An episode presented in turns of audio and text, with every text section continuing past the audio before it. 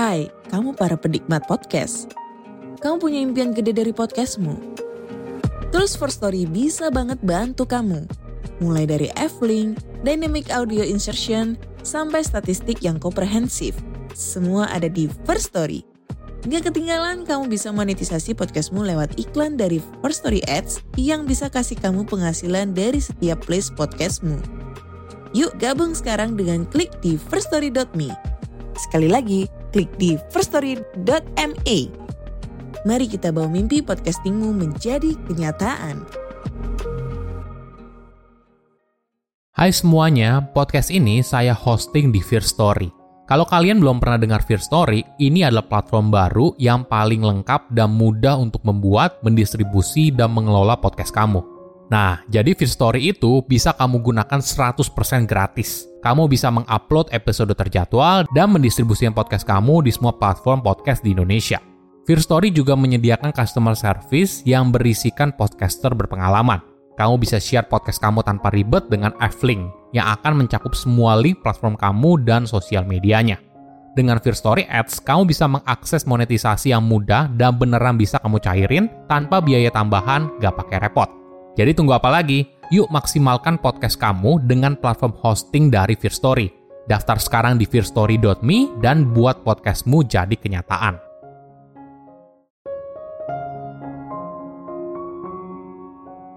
Dalam hidup, kita berusaha untuk mengejar kebahagiaan. Tapi, apakah kita sebenarnya tahu apa sih kebahagiaan dan bagaimana pikiran kita bekerja dalam memproses sesuatu yang kita anggap bahagia? Halo semuanya, nama saya Michael. Selamat datang di channel saya, Sikutu Buku.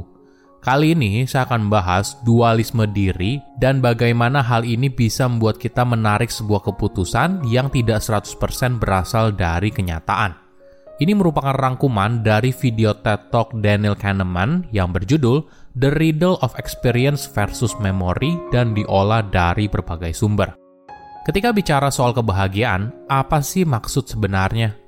Menariknya, seseorang tidak tahu betapa bahagianya dia karena kebahagiaan itu pada dasarnya merupakan sesuatu yang sifatnya relatif.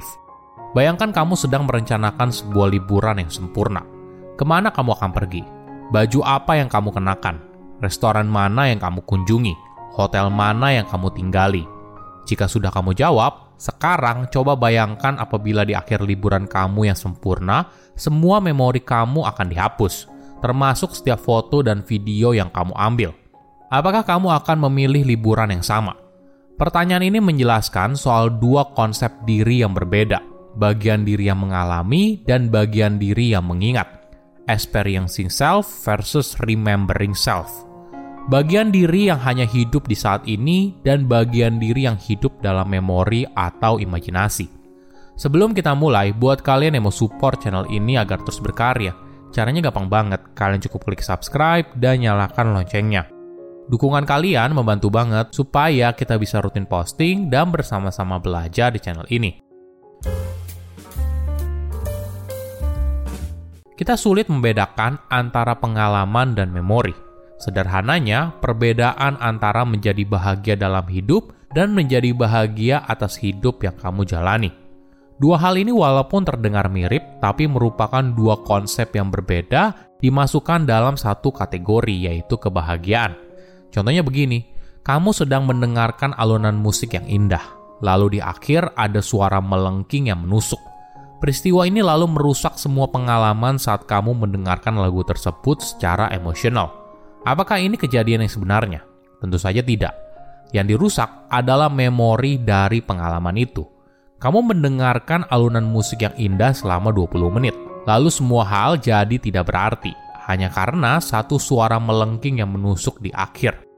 Daniel menjelaskan, kita mungkin perlu melihat diri dalam dua konsep. Konsep pertama disebut sebagai diri yang mengalami atau experiencing self – Konsep diri ini hidup di masa kini saat ini. Ini merupakan bagian diri yang ketika ditanya dokter, apakah sakit apabila saya tekan. Lalu ada konsep diri kedua, yaitu diri yang mengingat atau remembering self. Nah, konsep diri ini yang membentuk hidup yang kita jalani sekarang. Mengingat cerita hidup kita dan bagian diri yang menjawab pertanyaan dokter, apa yang kamu rasakan belakangan ini? Atau bagaimana liburan kamu kemarin? Ini merupakan dua konsep diri yang berbeda. Namun ketika kita mencampur adukan dua hal ini, maka hal ini yang bisa merusak persepsi kita soal kebahagiaan. Ada perbedaan antara experiencing self dan remembering self. Mungkin dari persepsi mereka soal waktu. Dari sudut pandang experiencing self, jika kamu menjalani liburan, minggu kedua sama baiknya dengan minggu pertama. Lalu liburan dua minggu itu lebih baik daripada liburan satu minggu. Kenapa? Karena experiencing self hidup di masa kini. Jadi ketika liburannya diperpanjang, maka akan ada pengalaman yang bisa kamu rasakan di momen tersebut. Beda halnya dengan remembering self. Bagi dia, liburan dua minggu tidak ada bedanya dengan liburan satu minggu, karena masih masuk dalam satu cerita yang sama. Nah, menariknya, remembering self tidak hanya berfungsi untuk mengingat dan bercerita. Tapi yang jauh lebih penting, remembering self membantu kita mengambil sebuah keputusan. Bayangkan kamu akan menjalani operasi berat dan harus memilih dokter bedah. Dua-duanya sama-sama hebat dan berpengalaman. Tapi bedanya adalah testimoni dari pasien mereka. Di dokter A, pasien mengeluh rasa sakit yang berat setelah operasi. Sedangkan di dokter B, pasien menjawab, ya biasa aja setelah operasi. Mana yang kamu pilih? Kemungkinan besar adalah dokter B Padahal bedanya di dokter A, pasien tersebut mengalami rasa sakit dengan durasi pendek, tapi sakitnya luar biasa. Sedangkan di dokter B, pasien tersebut mengalami rasa sakit dengan tingkatan sedang dalam periode lebih lama. Namun kedua metode ini bisa memberikan pengalaman yang berbeda. Sedangkan bagian diri kita yaitu experiencing self tidak punya suara di sini. Padahal bagian inilah yang sebenarnya akan menjalani prosedur tersebut. Tadi saya sempat membahas kalau remembering self merupakan seorang pencerita. Memori kita menceritakan sebuah cerita dan kita menyimpan apa yang kita alami sebagai sebuah cerita. Selanjutnya, remembering self bisa menentukan pilihan yang kita ambil di masa depan. Nah, apa yang menentukan sebuah cerita itu baik atau buruk, menyenangkan atau membosankan? Sederhananya, ada tiga elemen penting. Momen perubahan, momen yang signifikan, dan akhir. Bagaimana dengan yang lain? hilang di telan waktu. Pengalaman biasa tidak diperhatikan oleh otak untuk memberi ruang bagi ingatan baru dan berpotensi menarik. Faktanya, itu masuk akal dalam sudut pandang evolusi. Kita cenderung mengingat bahaya dan imbalan hidup daripada yang biasa. Inilah kenapa lingkungan yang tidak berubah cenderung membuat ingatan kita kabur. Dan kenapa liburan yang menyenangkan terus membekas dalam ingatan, khususnya bagian akhir merupakan elemen yang sangat penting apa yang kita ingat bisa saja berbalik 100% jadi buruk ketika di bagian akhir kita mengalami pengalaman yang tidak mengenakan. Ada contoh menarik dari film animasi Inside Out. Buat yang belum nonton, Inside Out adalah film Pixar yang menggali pikiran seorang gadis berusia 11 tahun bernama Riley dan berfokus pada lima perasaan di dalam dirinya. Kegembiraan, kesedihan, ketakutan, kemarahan, dan perasaan jijik. Saat keluarga Riley pindah ke kota baru, kita akan melihat kesulitan yang dihadapi Riley dan lima perasaan dalam dirinya untuk menavigasi kehidupan yang baru.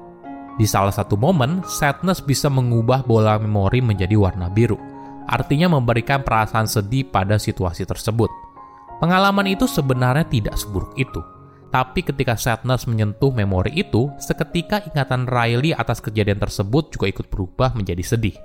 Inilah yang membuat kita bisa menarik kesimpulan atas pengalaman yang kita alami dalam hidup. Dan saat kita bilang makanan yang enak atau liburan yang menyenangkan. Bagaimana dengan experiencing self? Dalam psikologi, estimasi sebuah momen hanya bertahan selama 3 detik. Sebagai perbandingan, dalam sehari kita mengalami sekitar 20.000 momen. Setiap momen tersebut bisa saja memberikan kita kepuasan, tapi tidak sama dengan kebahagiaan secara umum. Jadi lain kali ketika kamu ditanya tentang pengalamanmu terhadap sesuatu, jangan buru-buru mengambil kesimpulan apakah pengalaman itu baik atau buruk. Bisa saja pikiran kita terdistorsi dari kenyataan yang sesungguhnya. Misalnya, dompet yang kecopetan di akhir liburan bisa saja membuat kita memberikan peringkat buruk pada liburan tersebut. Padahal sepanjang liburan kamu justru mengalami momen yang menyenangkan atau momen putus yang menyakitkan membuat kita melupakan semua memori indah yang telah kalian jalani berdua. Silahkan komen di kolom komentar pelajaran apa yang kalian dapat ketika tahu informasi ini. Selain itu, komen juga mau tahu informasi apa lagi yang saya review di video berikutnya. Saya undur diri, jangan lupa subscribe channel YouTube Sikutu Buku. Bye-bye.